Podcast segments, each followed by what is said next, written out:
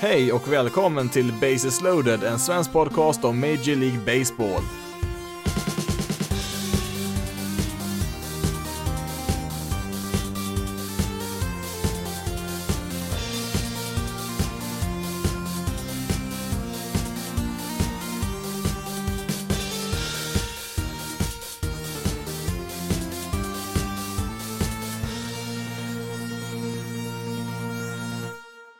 Hej och välkommen till Bases loaded, en svensk podcast om Major League Baseball. Och i veckans avsnitt så, ja, det blir ett kortare avsnitt, det kan jag ju säga. Det har ju inte hänt så jättemycket sedan förra veckan. Man har väl ett par saker här att eh, prata om lite grann i alla fall, så att det inte blir helt eh, tomt. Eh, det är en podcast-app från just Bases loaded, men Eh,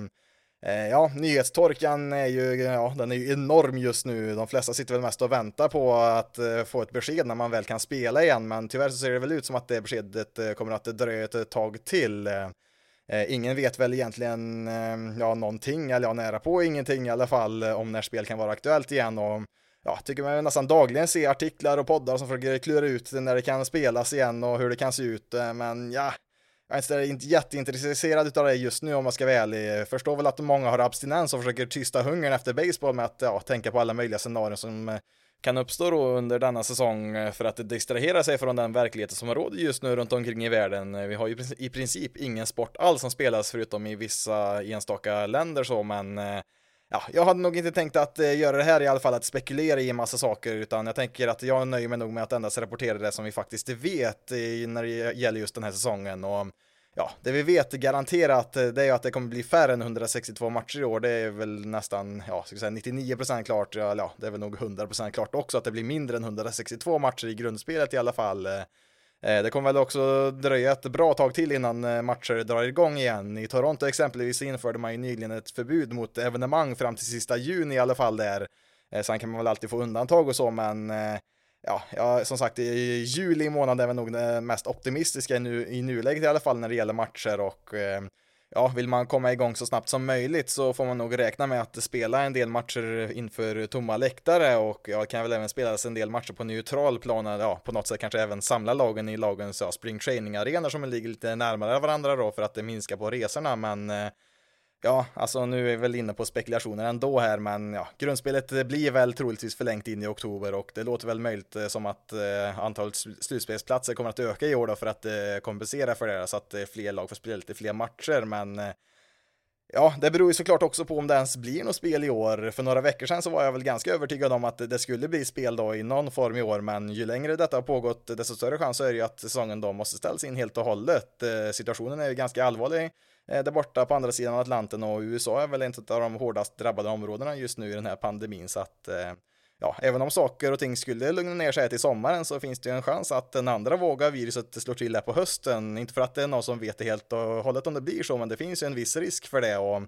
ja, jag vet inte vad som är värst egentligen, en helt inställd säsong eller en säsong som tvingas avbrytas en gång till då efter en månad eller så för att viruset skulle kanske slå till en gång till. Eh, Eh, ja, lite baseball är väl såklart bättre än ingen baseball, men eh, förr eller senare så är det väl inte längre värt att försöka spela den här säsongen. Eh, eh, det vore väl i så fall första gången på, jag vet inte hur länge som man inte spelat en enda match under en MLB-säsong och ja, under ett kalenderår i alla fall då och Ja, så World Series har ju ställts in ett par gånger sedan serien skapades i början på 1900-talet, men det har ju alltid spelats i någon utsträckning genom historien, alltså varje år då, även när det har varit strejker, världskrig och ja, även tidigare genom pandemier. Nu är det väl kanske lite väl tidigt att prata om inställd säsong här. Det finns ju ändå gott om tid kvar så att eh, ja, vi lämnar det där och eh, ja, försöker se om det finns inga goda nyheter och ja, det finns väl knappt några nyheter alls egentligen, men något positivt är väl att MLB-lagen eh, kommit överens om att stötta sina minor League-spelare finansiellt under en period, vilket det tekniskt sett nog inte har någon laglig skyldighet att göra i nuläget, men rent moraliskt så är det väl ändå helt rätt alla Major League-spelare ska få 400 dollar i veckan här åtminstone till slutet av maj har man sagt, alltså drygt 4000 svenska kronor i veckan då och eh, ja, det lär de väl knappast bli rika på men de börjar i alla fall klara sig för stunden på den summan och ja, eh, kan väl i och för sig låta som en rätt hygglig summa för eh, pengar då för individer som inte förväntas utföra sitt ja, egentliga yrke så, men samtidigt förväntar sig väl lagen att spelarna även i dessa tider då ska hålla sig i en bra fysisk form då så att de är redo när säsongen väl kan börja igen. Eh, en elitidrottare kräver väl lite mer mat än en genomsnittlig person och eh, de behöver inte eh, kanske, ja, slänga i sig vilken billig skit som helst heller, så att ja, de här pengarna kommer nog att spenderas ganska snabbt ändå då, även om de inte ja, rent fysiskt spelar någon baseball under den här tiden. Faktum är väl att detta är mer än vad många spelare faktiskt tjänar vanligtvis i minor League-systemen och det är faktiskt först när de når, når de lite högre nivåerna där i AAA och AA som de börjar tjäna lite mer pengar men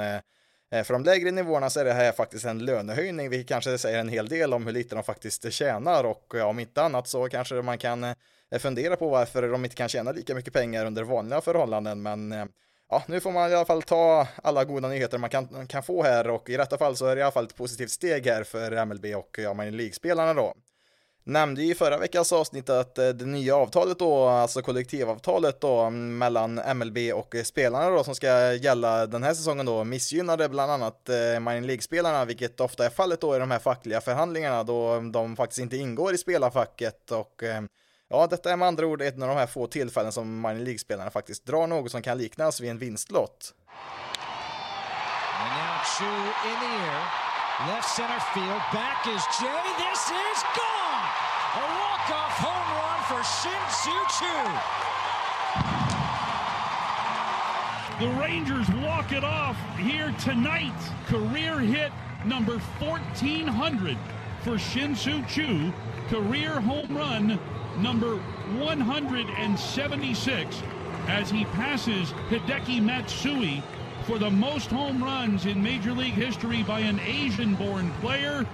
För det som råkar vara minor League-spelare i Rangers organisation så fick de utöver det här då också lite extra stöd från Rangers outfielder Shinsu Shu som donerade 1000 dollar till eh, samtliga drygt 200 minor League-spelare i deras system en riktigt fin gest då från sydkoreanen som själv tjänat ja, över en miljard svenska kronor på baseball så det drabbar väl inte direkt någon fattig är att ge bort ett par miljoner i detta fall men eh, ja, det spelar egentligen inte någon roll så det är såklart en väldigt fin gest som sagt och önskar väl kanske att eh, ja, lite grann i alla fall att andra utav MLBs bäst avlönade spelare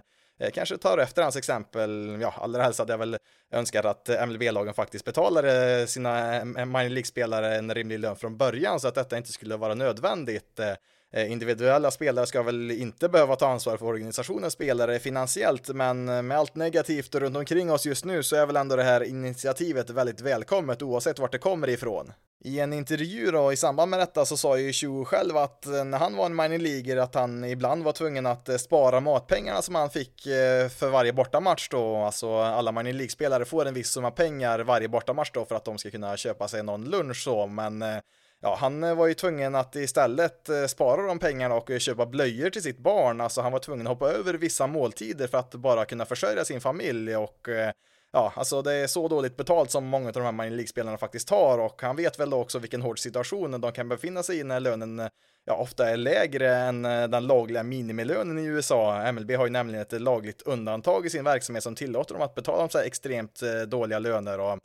Ja, vi ser ju därför också ibland artiklar om eh, olika stjärnspelare då som kanske rehabtränar efter en lite längre skada i något minor League-lag och kanske även spelar några matcher där innan de kommer upp på MLB-nivå igen. Och ja, i samband med det så brukar ju de köpa in eh, rejält med mat där och bjuda lag på det under de dagarna som de faktiskt är där innan de är redo för att det flyttas upp i MLB igen. Och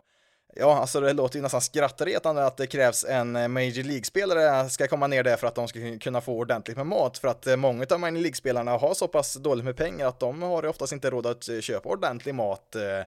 Vissa lag är väl bättre än andra på att faktiskt erbjuda riktig mat så till sina spelare och jag tycker väl det borde ligga i deras eget intresse att se till att spelarna äter bra och så, men ja, det är allmänt väldigt dåliga villkor för Minor League-spelare då som inte har fått sån här stor draftbonus som ja, några enstaka spelare får och mm,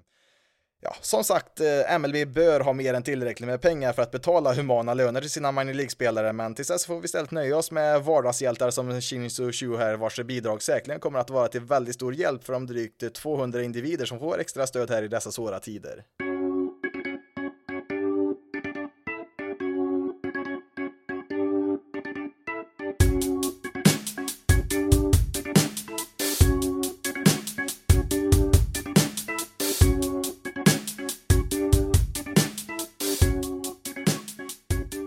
Det finns som sagt eh, inte speciellt mycket nyheter den här veckan, men tänkte att innan vi lämnar veckans avsnitt så kan vi väl köra lite Sabermetrics-skola här igen och eh, specifikt kolla på WRC eller VRC som jag snyggt brukar översätta det till här i podden och eh, Eh, det är ju då en förkortning som betyder Weighted Runs Created Plus och eh, ja, det är någonting som jag använder mig själv av väldigt mycket för att analysera slagmäns offensiva egenskaper. Eh, likt War, alltså Wins above replacement, så finns det en matematisk formel tillgänglig så att vem som helst kan räkna ut en spelares eh, VRC plus, eh, ja helt själv då, men även här så är det en himla massa siffror man då måste leta upp för att eh, göra det själv, så att eh, då är det bättre att själv gå in på Fangraphs och eh, kolla upp varje spelare där det finns uträknat åt en. Till skillnad då från Wins above replacement så finns det bara ett ställe som du kan hitta VRC Plus och det är just på fangraphs.com då, en fantastisk sida för statistik då inom baseball och eh, ja, mycket annat också då, för de skriver mycket intressanta artiklar om lite allt möjligt ur ett eh, sabermetrics perspektiv om du faktiskt använder den här sidan själv så tror jag nog att eh, de skulle uppskatta allt stöd de kan få just nu, för detta är annars deras mest aktiva period på året, men utan någon baseball så tappar de en hel del av sin trafik här och eh, har väl eh, lite tufft just nu ekonomiskt då, så att om du använder den här sidan och har möjlighet att bidra med någon slant dit via medlemskap eller på något annat sätt som genererar intäkter åt dem så, är det nog ett bra tillfälle att göra det just nu för att ja, de likt många andra verksamheter just nu har det ju ganska tufft eh, med världen som det ser ut just nu idag och eh, ja, det finns ju såklart många andra saker också som är värt att stödja just nu, men inom baseballvärlden, eller rättare sagt då inom MLB-världen, så är Fangraphs en enormt viktig institution. Men tillbaka då till VRC och eh, med den statistiken så försöker man då lägga ihop allt en spelare producerar som slagman på planen och ja, via den formen då så får man ut en siffra på varje spelare, alltså man räknar in alla hits och walk, strikes och så vidare Eh, och ja, i detta så ingår också en kompensation beroende på i vilken arena man spelar i och jag tar även hänsyn till hur det offensiva klimatet ser ut i ligan det året. Eh, genom åren så har det ju varierat en hel del där pitcher stundtals av vissa perioder har varit extremt dominanta och under andra perioder så har det ju svängt åt andra hållet där offensiv produktion är mycket större. Till exempel då på senare år så har ju då den här bollen som vi pratar om väldigt mycket förändrats en del som gjort att det blivit mycket mer homeruns till exempel och eh, ja, det är en sån sak som eh, VRC Plus tar hänsyn till då och eh, korrigerar sin eh, ja, form då lite grann beroende på hur ja, det offensiva klimatet ser ut i MLB då varje år. Detta betyder ju att en spelare på 50-talet som har exakt samma statistik som en spelare på säg 2000-talet kommer troligtvis inte att ha samma VRC plus då de spelade dels i olika arenor men också under olika epoker då där den offensiva produktionen inte var densamma. Exempelvis när man spelar på Coors Field då, alltså Rockies hemmaarena där i Denver på hög höjd så straffas man ju en hel del i denna kategori eftersom att den offensiva siffrorna där är så mycket högre än på andra arenor. Eh, det motsatta gäller ju då exempelvis i Petco Park i San Diego som är en väldigt pitchervänlig arena och därmed får man då bättre resultat där i VRC plus om man presterar bra där. Vi kan väl säga så här om vi rent hypotetiskt har två spelare då som, ja den ena då spelar alla sina matcher under en säsong i Colorado då och den andra i San Diego och vi ser nu att de här två spelarna har exakt samma offensiva resultat. Eh, då kommer ju spelaren som gjorde det i San Diego ha en större VRC plus eftersom han gjorde det under svårare omständigheter. Alltså arenan i Colorado då ligger som sagt på hög höjd och gynnar ju slagmannen väldigt mycket medan eh, eh, arenan i San Diego ligger på mer normal höjd och har dessutom ett väldigt, en väldigt stor spelplan som gynnar pitchen mycket mer så att San Diego är alltså en svårare arena att spela i för slagmän och det framgår också i en spelares VRC+. Som du kanske räknat ut då så är ju en högre VRC plus bättre än en lägre. Och eh, man kan säga så här med all statistik som slutar med ett plus, alltså VRC plus har ju då ett, eh, ja, ett, eh, ett plustecken på slutet. Och ja, all den statistik som då slutar på ett plus utgår från att siffran 100 är det genomsnittliga resultatet, alltså en spelare med en VRC plus på exakt 100 är genomsnittlig i MLB när det gäller offensiv produktion. Eh, har en spelare en VRC plus på 110 är spelaren 10% bättre än snittet offensivt och en spelare som har en VRC plus på 90 är 10% sämre än genomsnittet. VRC Plus är vad man kallar en, ett rate stat, jag vet inte riktigt hur man ska översätta det, men ja, det är en viss statistik då som eh, VRC Plus kan man jämföra mellan olika spelare ganska bra även om de spelat olika många matcher. Eh, det finns ju då motsatsen då som är counting stats, alltså den, de sakerna man enkelt kan räkna så här 1, 2, 3 och så vidare, alltså antalet homeruns, strikeouts, hits och så vidare. Vi kan väl säga så här att om vi har två påhittade spelare, alltså spelare 1 och spelare 2, och vi säger så här att spelare 1 har spelat, eh, ja, säg 20 matcher mer än spelare 2, så ja, om vi kollar på deras statistik så är det ju större chans för spelare 1 att han har fler homeruns, strikeouts, hits och så vidare då eftersom han spelat fler matcher än spelare 2. Eh, men det här med rate stats eh, gör ju då mm, att man eh, kan bortse från det lite grann i alla fall och ja, man kanske kan se då att spelare 1, ja, lite fler matcher och samlar på sig lite bättre statistik då, alltså mer hits och så vidare, men spelare 2 kanske ändå har en högre VRC+, alltså det betyder att när spelare 2 väl spelade så var han faktiskt lite bättre än spelare 1. Eh, sen så var han kanske lite skadad och så då, så att eh, han missade lite mer matcher där, men när han väl var på planen så var han faktiskt bättre än spelare ett dag. Skulle man kunna då kunna se då med VRC Plus till exempel. Förra året då så mm, ledde ju faktiskt Mike Trout och Christian Jelic ligan i VRC+, eh, men eh, spelare som Cody Bellinger och Alex Bregman, de hade ju faktiskt eh, mer hits och liknande då än de här två spelarna. Eh, men saken var ju den att eh, både Bellinger och Bregman spelade 20-25 matcher fler än Trout och Jelic eh, och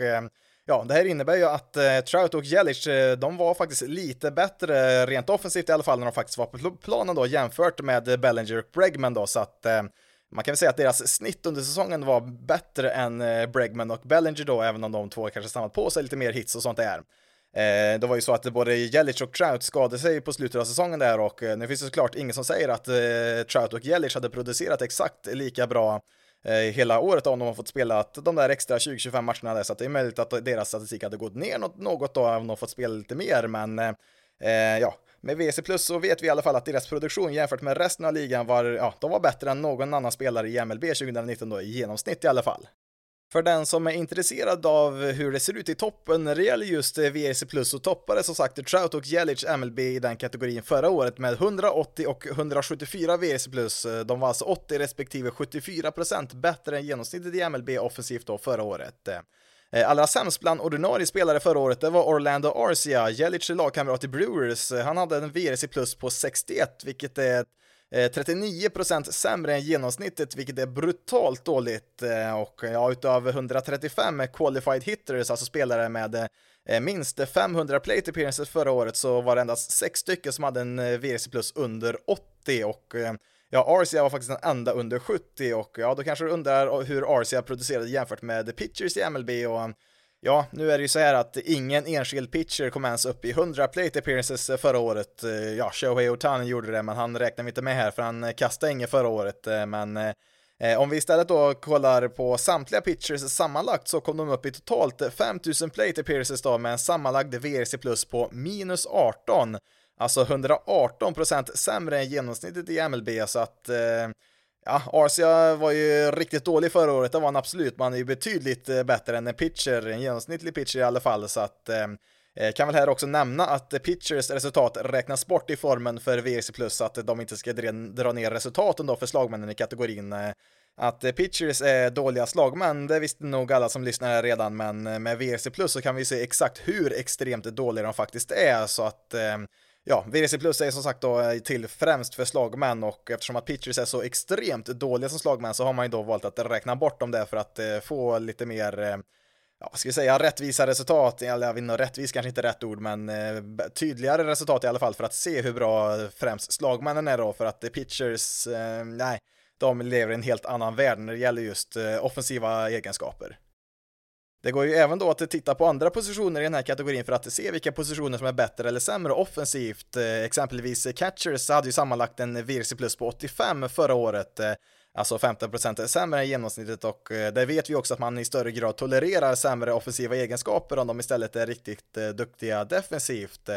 Därför är det också extra värdefullt med catchers som ja, exempelvis Jasmine Grandal och JT Realmuto som är väldigt bra på båda delar. Det finns ju som sagt inte speciellt många som eh, ja, ens är eh, bättre än genomsnittet, eh, både offensivt och defensivt samtidigt, så att har man en av de få som faktiskt är i sitt lag så ska man nog faktiskt vara ganska nöjd. På första bas och designated hitter så, mm, ja, de har ju inte helt oväntat lite högre siffror när det gäller VRC plus eftersom att de mestadels bidrar med sin offensiv Eh, de ligger ju på 105 respektive 110 WRC plus på sin position. Eh, samtidigt då på middle infielders, alltså andra bas och shortstop så ligger de ju något under 100 där i WRC plus, alltså de är lite sämre än genomsnittet. Eh, sen på tredje bas då så la de på 105 i WRC plus förra året, alltså de är lite bättre där på tredje bas i alla fall. Eh, kan man säga så här att första och tredje bas är väl ungefär jämförbara med varandra när det gäller offensiv eh, produktion då. I genomsnitt ska vi säga då. Det är inte så att eh, det här gäller för alla spelare utan det är då ett genomsnitt för alla spelare i hela ligan. Kollar vi sen på outfielder så är det då rightfielder som är bäst offensivt, de ligger en 6-7% över snittet där och i leftfield så är man väl ganska nära snittet där och centerfield ligger väl en bit under 100 där och ja, lite catcher så kan ju en väldigt duktig defensiv centerfielder få spela en hel del eh, trots svårigheter som slagman. Eh, eh, Billy Hamilton är ju ett väldigt bra exempel på det. Hans VRC plus i karriären ligger på katastrofala 67, men tack vare hans försvarsspel och enorma snabbhet på baserna så har han ändå ja, fem säsonger som man har spelat regelbundet i alla fall. Historiskt eh, då om vi kollar på sammanlagd VRC plus i karriären då och eh, då har jag begränsat det här till spelare med minst 5000 plate appearances så att vi bara har spelare som faktiskt har spelat ett tag och eh, ja, inte helt oväntat så är det då Babe Ruth som är nummer ett. 197 i VRC plus hade han, alltså han var under hela sin karriär från start till slut i snitt 97% bättre än en genomsnittlig slagman i MLB under sin karriär. På andra plats hittar vi Red Sox legend eh, Ted Williams eh, på 188 WC plus genom sin karriär där. Sen följdes han av Lou Gehrig och eh, Rogers Hornsby så att ehm, ja, vi pratar alltså inte helt oväntat om några av de största legendarerna någonsin här i toppen. Eh, första spelaren då från 2000-talet, eh, det är inte heller helt oväntat Barry Bonds på 173, vilket såklart hade sina förklaringar, men på sjätte platsen hittar vi den eh, första aktiva spelaren. Kanske inte heller är någon speciellt stor överraskning. Mike Trout är det där som är på sjätte platsen då med en VRC plus på 172 så här långt i karriären och eh, ja, du ser vilka namn han blandar sig in med här och eh, ja, då kanske man kan förstå hur bra han faktiskt har varit så här långt i sin karriär. Eh, men med det sagt så kommer det väl troligtvis att börja sjunka lite grann i alla fall här om några år. Han har väl eh, möjlighet att öka på det också de närmaste två, tre åren i alla fall här. Han är inte så jättegammal direkt så, men eh, ja, även Mike Trout blir väl äldre han också någon gång så att hans statistik behöver väl gå neråt lite grann i alla fall när han blir äldre här, men ja, samtidigt så är han ju trots allt Mike Trout, så man vet väl aldrig riktigt vad han hittar på, men eh, annars är det bara att kolla på nästa aktiva spelare på den här listan. Det är Reds första basman Joey Votto, han är 25 totalt sett i hela MLB-historien. Eh, han har ju då sammanlagt en VRC plus på 151 just nu i alla fall, för att eh, när det gäller statistik då, alltså rate stats som VRC plus är då, Eh, då är det ju så här att eh, de kan ju både öka och eh, sjunka beroende på hur man spelar. Antalet homeruns och hits, ja de minskar i alla fall inte, de kan ju bara öka om man spelar så att just VRC plus då, det kan ju både öka och minska och jag gör ju vått och han har ju sänkt sin VRC plus de senaste två åren. Framförallt förra året så hade han ju en väldigt tung säsong för att det var honom där så att Fortsätter han spela likadant som han gjorde förra året, även i år och kanske något år till, så kommer hans VRC plus att minska och han kommer därmed Eh, om det så blir fallet då, att hamna längre ner på den här totallistan då i alla fall. Begränsar vi oss istället till högsta resultat under en och samma säsong har vi då Barry Bonds säsong 2002 som den bästa någonsin med en VRC plus på 244. Alltså då 144% bättre än en genomsnittlig slagman i MLB då just det året. Eh, Eh, Bonds eh, och Babe Ruth då har ju tre säsonger vardera i topp 6 där på den listan eh, när det gäller just säsongsstatistik och ja, resten av topplistan här innehåller ju även den några av de största legenderna inom sporten här, Ted Williams och Mickey Mantle och så vidare. Den bästa säsongen då utav en ännu aktiv spelare, det är faktiskt Bryce Harper 2015 när han utsågs till MVP. Han hade en VRC plus på 197 det året och Eh, det placerar honom faktiskt på plats 41 över bästa säsonger då i hela MLB-historien när det gäller just eh, VRC+. Ja, där har vi i alla fall en kort introduktion på vad eh, VRC Plus är, alltså Weighted Runs Created Plus. Du kan ju läsa mer om det här på Fangraphs, de har lite glossary står det där, alltså glosor, där kan man läsa ja, egentligen om i princip alla de här mer avancerade statistiken som finns och även den mer traditionella också, men Eh, vill man ha en eh, mer eh, ja, djupgående förklaring på hur, hur man räknar ut den här statistiken och vad den kan användas till och så, så då kan man gå in och läsa det på fangraphs.com som sagt. Ehm, det som är bra är det att ehm, VRC Plus som sagt det kompenserar ju för vilket år man spelar i så att man kan ju då jämföra spelare från 100 år sedan med spelare idag. Ja, till viss del i alla fall, men det är ju så att man kan ju då se hur mycket bättre en spelare var än genomsnittet för sin tid i alla fall för att ja, alltså vi, som jag sa förut, eh, en spelare statistik på 50-talet och på 2000-talet, eh, alltså om de har exakt samma statistik i två olika tidsepoker så kommer ju VS Plus att skilja sig lite grann, utan eh, eh VS Plus baseras ju på hur resten av ligan spelar också, så att eh, det är ju ett sätt att, ja, som sagt då, jämföra hur mycket, ja, hur mycket bättre, eller sämre då för den delen, en spelare är jämfört med genomsnittet i MLB då, rent offensivt i alla fall, så att Eh, jag tycker det är en väldigt eh, bra sak att ha för att i alla fall snabbt eh, se hur bra en spelare är offensivt. Då. Sen är det som med all annan statistik, man måste ju komplettera det med mycket annat också för att få en komplett bild, men vill man ha en snabb översikt hur bra en spelare är offensivt då i MLB just nu så är väl kanske VC plus, ja, i alla fall en av de bästa kategorierna man kan kolla på i nuläget.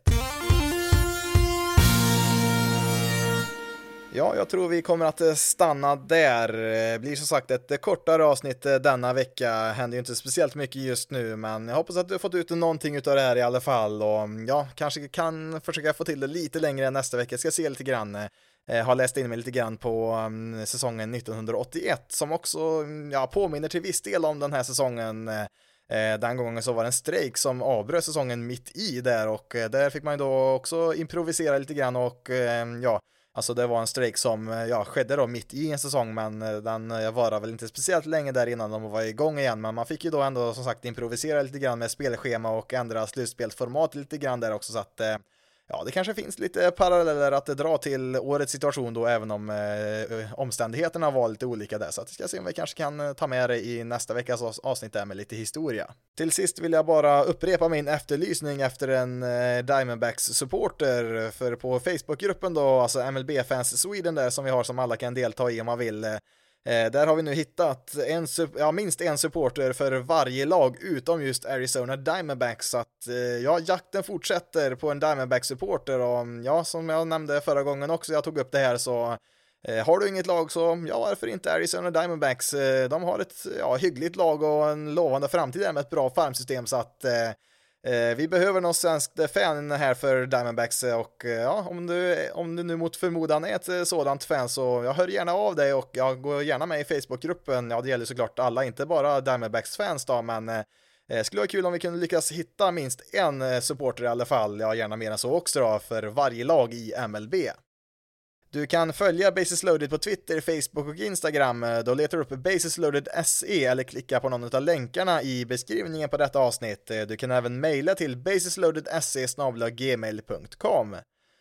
Om du har tid, lust och möjlighet att eh, betygsätta och skriva omdöme om denna podcast eh, där du lyssnar på podcast, om du tillåts att göra det där så skulle jag vara väldigt tacksam om du gjorde det för att eh, varje omdöme gör att den här podcasten kommer högre upp på diverse listor och gör att, ja, fler kan hitta denna podcast som inte redan känner till den. Men eh, nu har jag pratat tillräckligt för idag. Mitt namn är Jonathan Fabri. Tack så jättemycket för att du har valt att lyssna på detta avsnitt av Basis loaded. Ni får ha det så bra där ute så hörs vi i nästa veckas avsnitt.